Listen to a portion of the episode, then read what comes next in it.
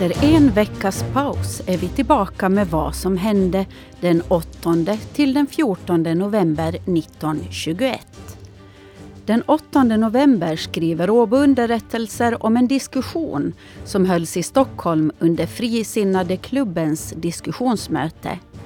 Där diskuterades huruvida den svenska inställningen i Ålandsfrågan var helhjärtad eller inte. Det konstaterades också att om Finland sträcker ut en vädjande hand ska Sverige ta emot den. Den 9 november refererar tidningen Åland till ledartexten i Stockholms-Tidningen.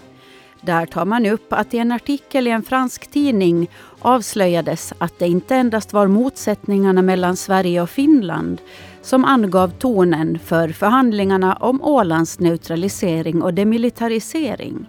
Det visade sig att de andra signatärmakterna, det vill säga de länderna som undertecknade överenskommelsen, också hade sina dolda motiv, främst då rädsla för Ryssland.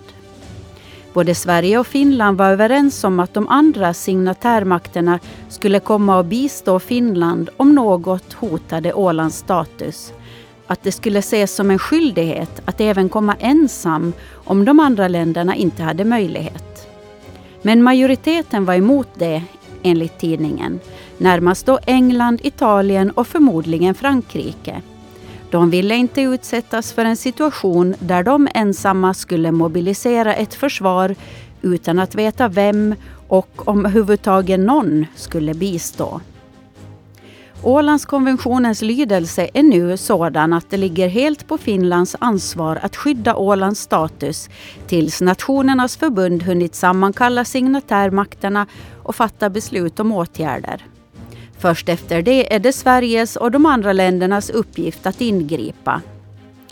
Men Stockholms-Tidningen skriver citat Förhållandena kan då naturligtvis gestalta sig så att det icke endast är neutraliteten som blivit kränkt utan också Ålandsbefolkningens liv och säkerhet. Slut på citat. Även om situationen inte skulle vara akut ligger ändå första draget i ansvarsplikten hos Sverige som geografiskt befinner sig närmast. Citat igen.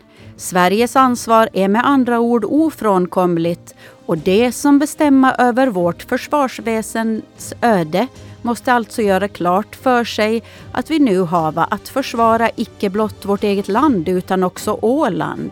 Liksom för övrigt medlemskapet i Folkförbundet dessutom i och för sig har skapat nya förpliktelser av militär innebörd för vårt land. Slut på citat.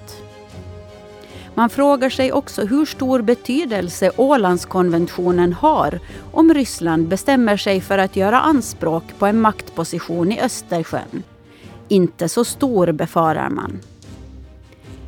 I samma tidning den 9 november rapporterar tidningen Åland att det hållits ett protestmöte med anledning av att vice häradshövding Carl Björkman och redaktör Julius Sundblom dömts för förberedelse till högförräderi.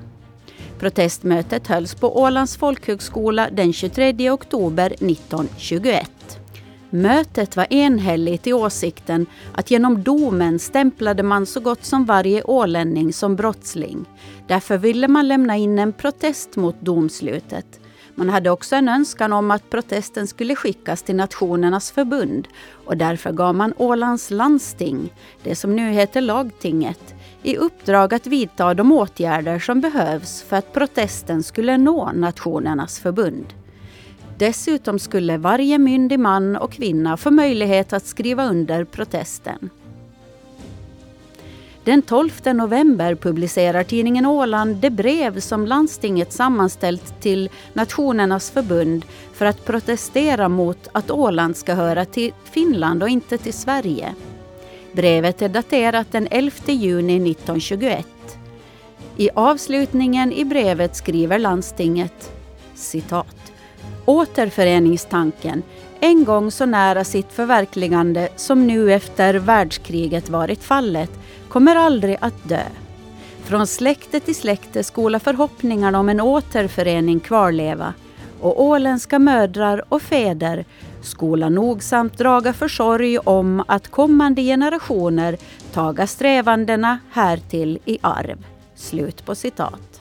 Den 13 november refererar Åbo underrättelser till den ryska tidningen Pravda. I en artikel i Pravda ges Rysslands syn på Ålands neutralisering. Enligt Pravdas skribent har Ryssland aldrig avstått från Ålandsöarna. Därför är Rysslands intressen i öarna mycket större än deras som deltog i Genèvekonferensen. Citat. Dessutom har Ryssland under de 200 år det haft suveräniteten över öarna ådragit sig betydliga utgifter såväl för deras befästande som för att förbättra deras hamnar, särskilt under världskriget. Slut på citat. Från rysk sida anser man att jämvikten i Östersjön endast kan tryggas om Sovjetryssland får vara med. Citat. Denna jämvikt ska bliva den bästa garantien mot den engelska borgerskapets strävande att förvandla Östersjön till en engelsk havsvik. Slut på citat. Det var allt för den här veckan. Vi hörs igen nästa vecka. Jag heter Nina Smeds.